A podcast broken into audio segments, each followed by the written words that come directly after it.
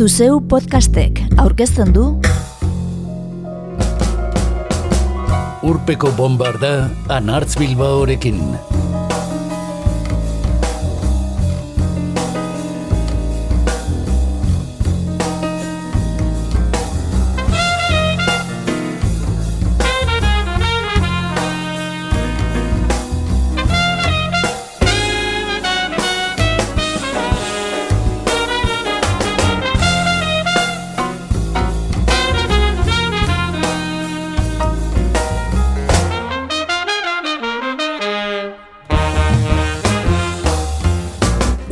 Bombarda, herriak bere egin eta erezerki bihurtu dituen kantuez mintzatuko da gaur. Urtzi urkizuk berriak karian argitaratutako reportaje bat ardatz hartuta. Denek elkarrekin kantatzeko.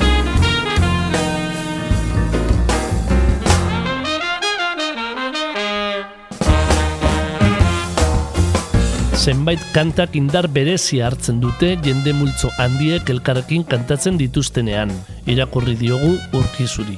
Adituek diotenez, badira erezerki izateko bokazioz sortzen diren kantak, baina beste batzuk egoera historiko jakinetan milakatzen dira herri erezerki. Joan den otzailaren hogeita bian argitaratu zen erreportajea, bizigiro atalean, eta zera gainalatzen du, zenbaitek uste dute Euskal Herriko ere zarkia txoria txorik izan behar duela. Ado zaude entzule?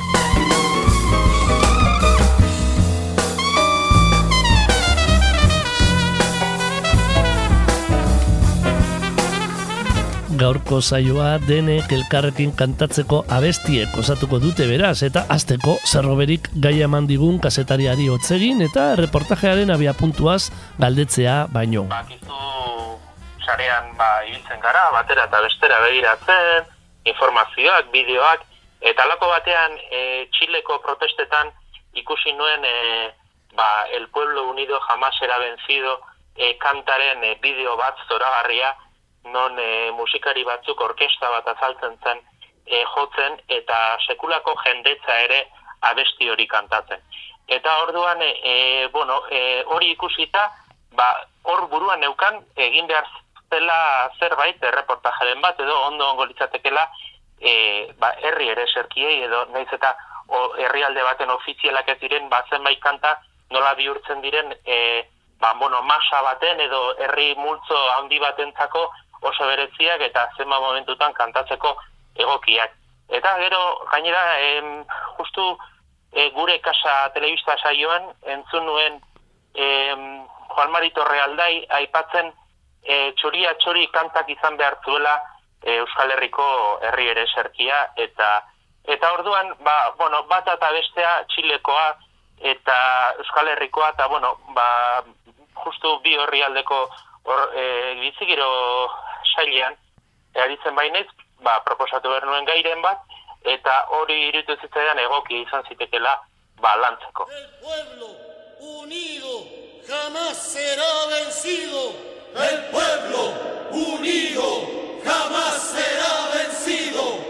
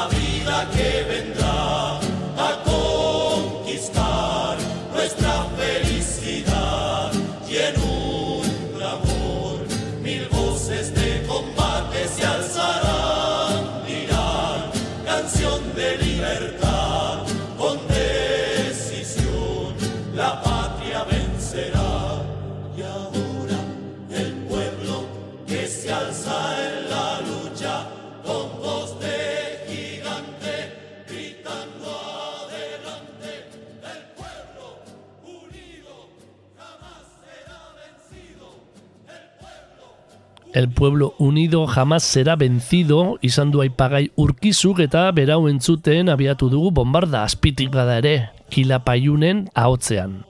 Erreportajeak dioenez, Txileko hiriburuko duintasunaren plazan kantatu zuten milaka eta milaka lagunek iazko abenduaren amairuan, protestan ari den herri baten sendimenduaren adierazle den kantua.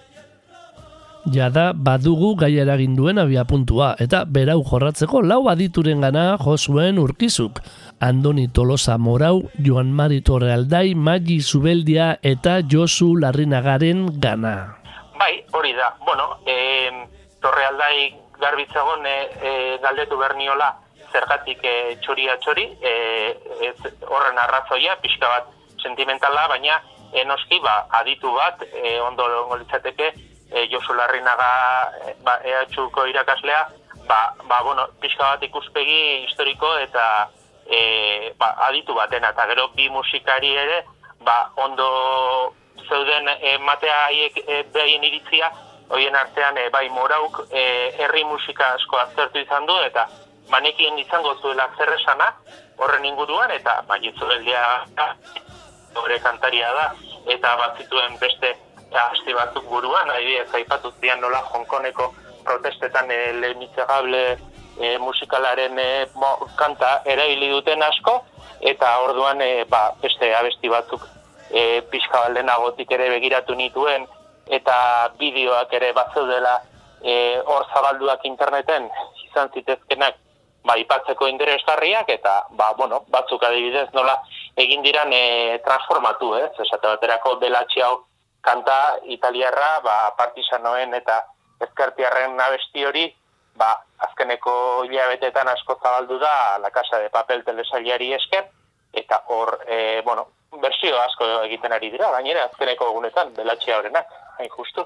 Herriak ere zerki bihurtu dituen kantuekin magia sortzen dela uste du Andoni Tolosa morauk.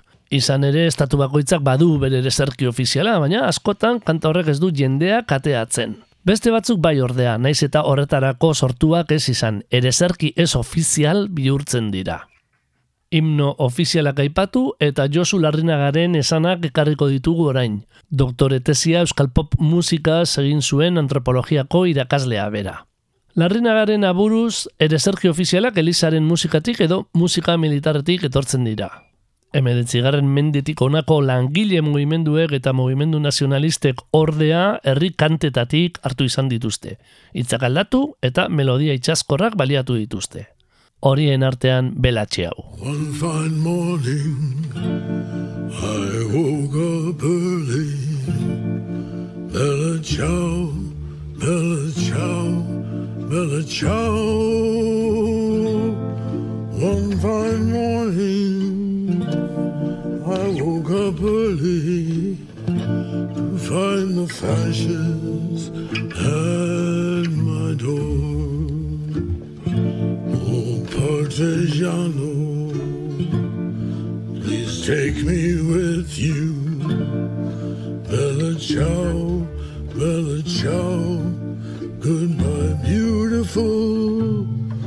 Oh, Partigiano, please take me with you.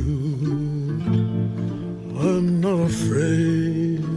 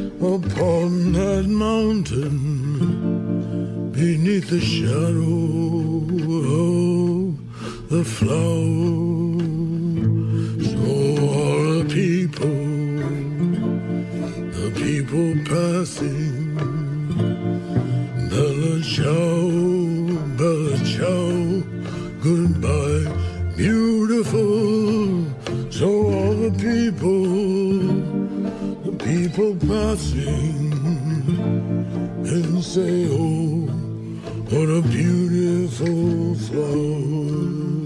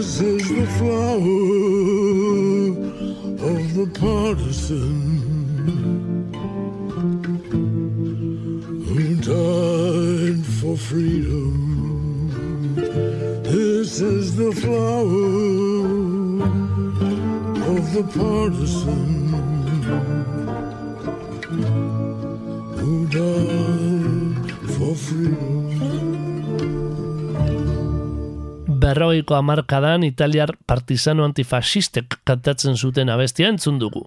Izango ditu eundaka moldaketa. Guk Mark Ribó gitarra jolearena hautatu dugu, Tom Waitzek kantatua. Aurrera jarraituz, kantu bat herriere zerki bihurtzeko hiru osagai izan behar dituela dio maili zubeldiak erreportajean. Lehena, ikasteko erreza izan behar du. Melodia behin entzun eta gogoan hartzen direnetakoa izan behar du. Bigarren osagaia kantuaren zentzuan datza. Herriak edo talde batek edukiarekin bat egin behar du. Nola baiteko herrikoitasuna adierazten duelako, balio komunak garraiatzen dituelako.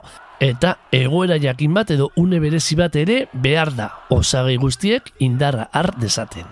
Horrezen adibide omen da Laportar musikariaren esanetan, iazko protestetan Hongkonen kantatzen zuten kantua Do You Hear the People Sing?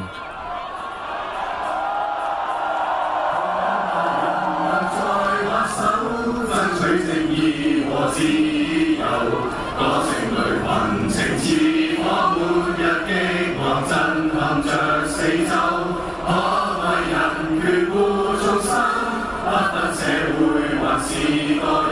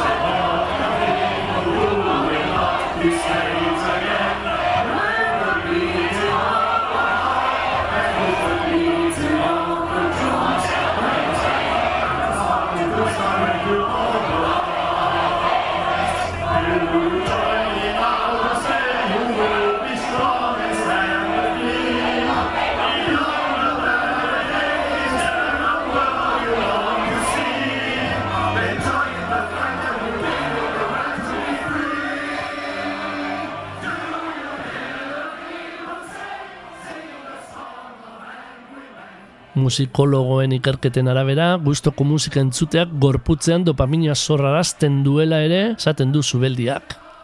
Eta mekanismo horri esker plazerari bide eginez emozioak eta sentimenduak sortzen direla. Eta jakina, pertsona bakoitzaren esperientziarekin lotuta dago musikak sor dakiokeen sentimendua. Ere zerki batzuk baina joan eta etorri biltzen dira, aizea bezala, boladaka. ahanzturan geldituz edo indarra hartuz. El Segadors adibidez, emeretzigarren mende bukaerako kantua da, Kataluniako parlamentuak hogeigarren mende bukaeran erezerki izendatu zuena. Andoni Tolosa Morauren esanetan gerta daiteke, kanta batzuk urte batzuetan zehar jendeak ezabestea eta un historiko egokia iristean berriro berpistea. El Segadorzen kasuan hasieratik ere zerki asmoarekin sortua dela dio epika duelako eta konnotazio politikoak dituelako. Zubeldiak ere Kataluniako ere zerkiak herri sendimentua kristalizatu duela uste du. Batasuna eragin du eta komunitatea indartu. Azken urteetan sekulako indarra hartu du Kataluniako kaleetan eta guk ere entzungo dugu, baina jazz moldean emana. Charlie Hayden and the Liberation Music Orkestrak joa. Besteak beste, Don Cherry trompetan eta Carla Bley pianoan direla. Azken hau, New Yorkeko komposatzaile ospetsua da, Carla Bley. Eta jasaldiaren aspaldiko laguna. Ia etortzekoa zen, baina azken orduan kale egin zigun.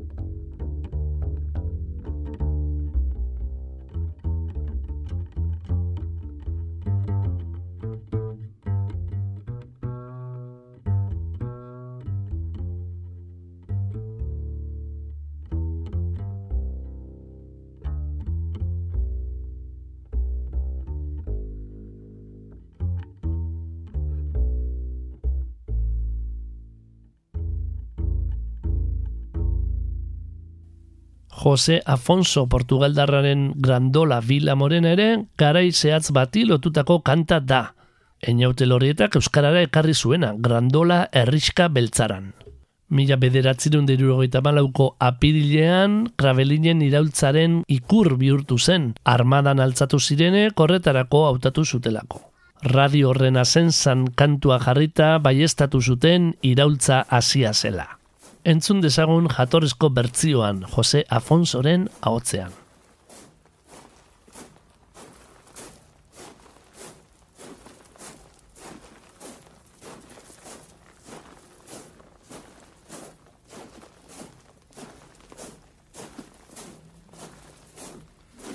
Grandola Vila Morena, terra da fraternidade.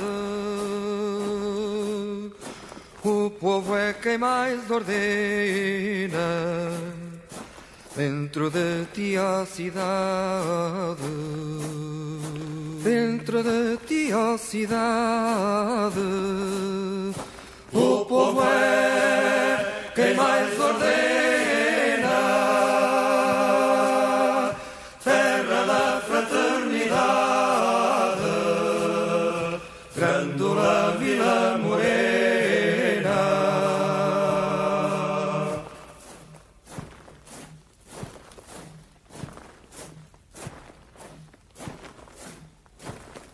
Cada esquina um amigo em cada rosto igualdade. Grândola Vila Morena, terra da fraternidade, terra da fraternidade. Grândola Vila Morena, em cada rosto igualdade, o povo é quem mais ordena.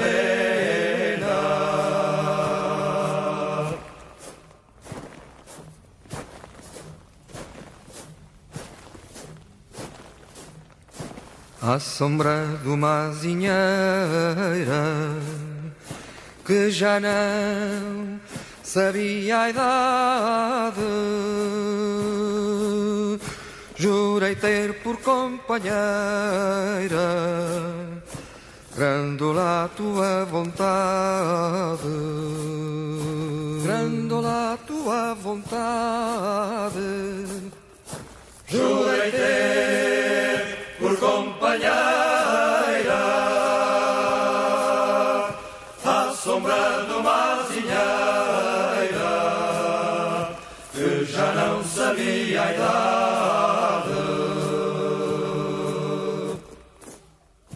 Bi kantu bitxi ere aipatzen ditu reportajeak. Batetik, nazien erezerki izan arren aliatuek ere kantatzen zutenez, gerran zeuden bi aldentzako abesti bilakatu zena bigarren mundu gerran. Lili Marlen. Kanta bat jendearen esku gelditzen denean, ezinezkoa da horren ibilbidea kontrolatzea dio morauk. Gerta daiteke kantu batzuk asmo iraultzailearekin sortzea eta fasistentzat erezerki bihurtzea. Edo gertaka daiteke kontrako bidea egitea. Steht eine Laterne und steht sie noch davor. Dort wollen wir uns wiedersehen. Bei der Laterne wollen wir stehen wie einst Lili Marleen. Wie einst Lili Marleen. Bestea, larrinagak aipatutako Like a Rolling Stone, Bob Dylanena. Gerora beste dimentzio bat hartu zuena. Eman dezake gorroto kantu bat pertsona batekiko, dio Josu larrinagak. Baina kontrakultura hippiaren unean sortu zen eta jende askok Ipar Amerikan ere zerki gisa hartu zuen. Etxea utzi, errepidera joan eta bizitza berri bat hasi.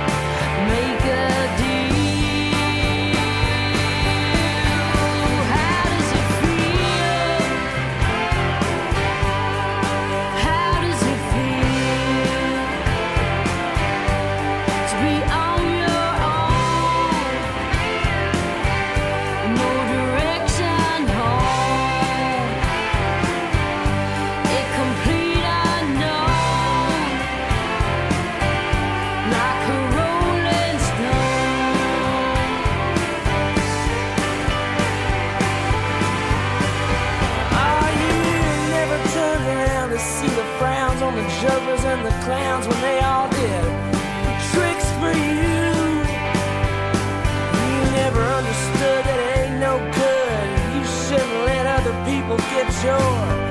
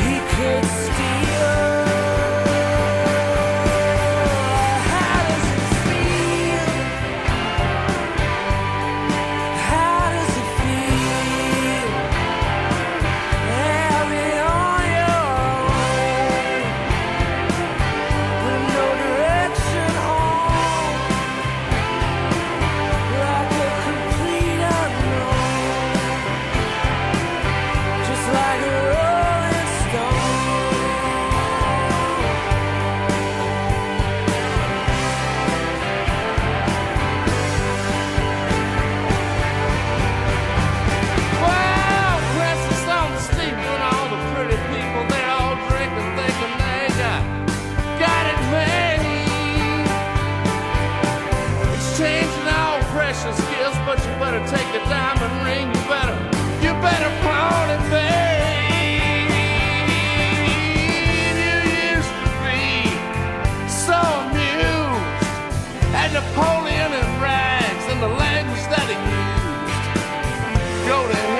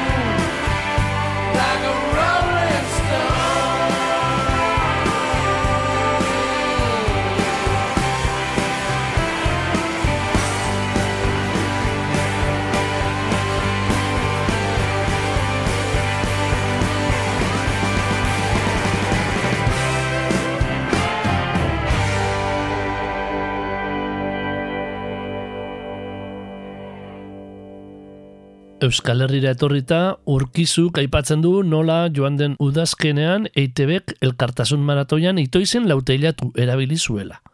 Jendeari moldaketak egin zitzala eskatu eta mila eta bosteun bat bertzio edo jaso omen zituzten. Eta aipatzen du bestetik nola sarek Euskal Presoen eskubideen aldeko mugimenduak ertzainaken bosteun deirurogeita lau kanta proposatu zuela gabon bueltan jotzeko. Aproposak biak ala biak, baina Euskal Herri osorako ere sarki bat aukeratu beharko balitz? Zein aukeratuko zenuke, entzule? Joan Mari Torraldaik argi du, txoria txori aukeratuko luke. Euskaltzainaren esanetan, ere zerki asko estatuen gerrarako edo etzaien aurkakoak eta izaten dira. Frantziakoa adibidez. Txoria txorik kontrara itzen aldetik duen simbolismo guztiarekin, muga guztien gainetik zabal daitekeen abesti bat dela iruditzen zaio torraldairi. Ez du lotura geografikorik eta zentzu polita du. Kanta oso txartatuta dugu, pentsa, futbol zelaietan ere kantatzen da. Hegoaldean, iparraldean rugby zelaietan. Gainera, beste biekin alderatuta, arestian aipatu ditugun lautelatuta bosteun derurogeita laukantek bultzatzaile bat izan dutela gogorarazten digut oraldaik. Baina txoria txoriren bultzatzailean hor da. Zerbait behetik gorantz zabaltzen denean hori da sanoa, eta bere bidea egiten du. Bere simpletasunean indarra du eta kitxo.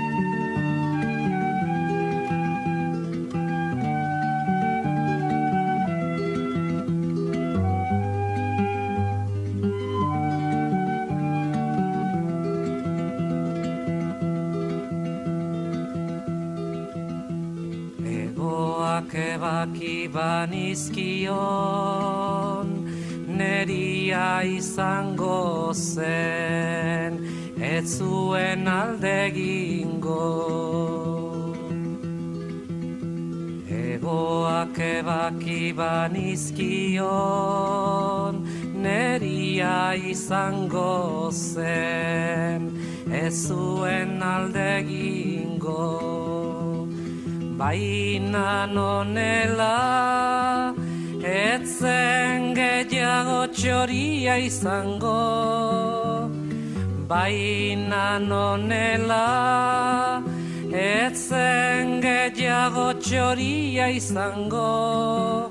Eta nik txoria nuen maite Eta nik txoria nuen maite.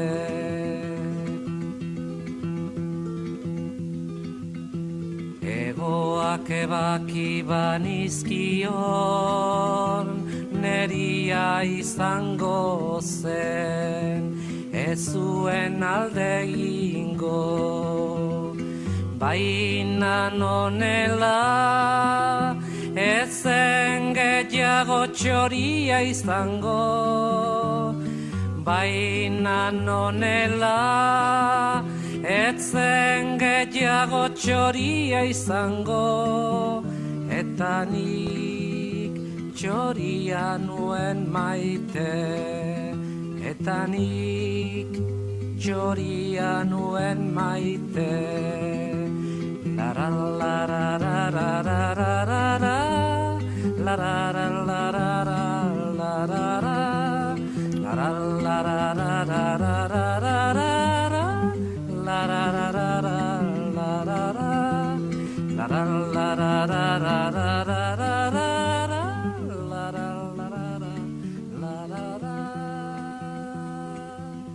Ez dugu entzun itoizen lauteiratu ez da ertzainaken bosteun deirurogeita lau ere.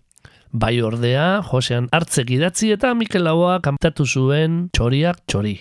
Jatorrizko bertzioan gainera konturatuko zinetenez aurretik entzun ditugun batzuetan saiatu garelako ba moldaketa bereziren bat edo beste ekartzen. Jakina, norbaitek pentsa dezake horrela eginda erreportajearen funtzari traizioa egin diogula. Hau da, herriak, elkartu eta denak batera kalean kantatutako ereserki esari garela guk taldeek estudioan grabatutako moldaketak ekarri ditugula, baina tira. Hau izan da gure gaurko bombarda. Bukatu baino lehen baina eta gaurko saioa berak osatu digunez goiti bera, urtzi urkizuren gana jodugu berriro. azken galdera bat egiteko. Ea baduen berak molde honetan emanez gero, hau da, denek elkarrekin kantatuz beste dimentzio bat hartzen duen kanta kutxunik. Bai, ba, bueno, e, gila esan, e, zoritxarrez azkeneko asteetan ezin dugu tabernaz taberna ibili eta e, tabernetako parrandetan ibili, eta gogoratu nahiko nuke behintzat garai batean e, gautxoriago ginenean tabernak e, iztera zijoaztenean nola Salvadorren eriotzean jartzen zuten askotan, eta bai, e, nahi egia esan, e, nahiko barrura esatzen zaidan abestia da, Salvadorren eriotzean elkarrekin kantatzeko e, parranda giroan, eta hori aipatuko nizuke.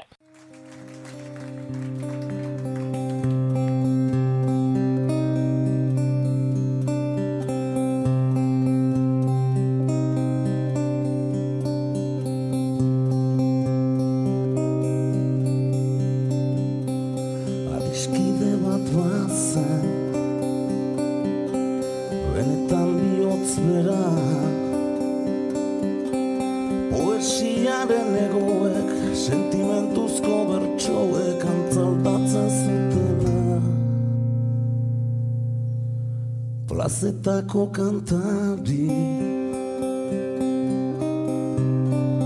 Bakardadez josia Itzan lioa iruten, bere barnean irauten oinaz ez ikasia. Ikasia.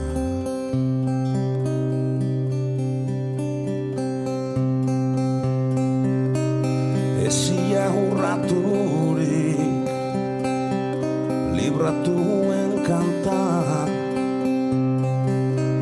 Lotura guztietatik, gorputzaren mugetatik aske sentitu nahirik. Azken atxahuela, bertxorik sakonena, inoiz erran ezin estalitako egien oiurik bortitzena. Bortitzena.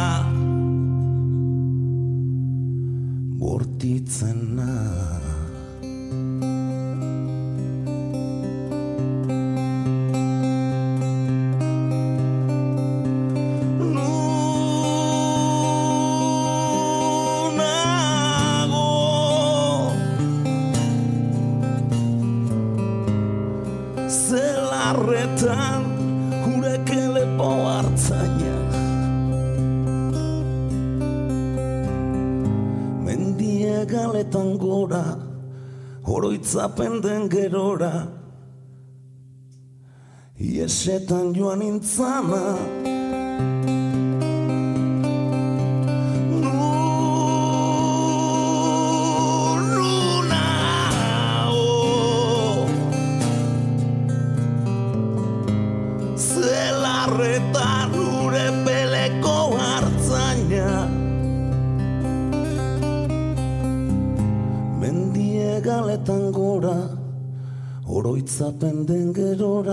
Iesetan joan nintzana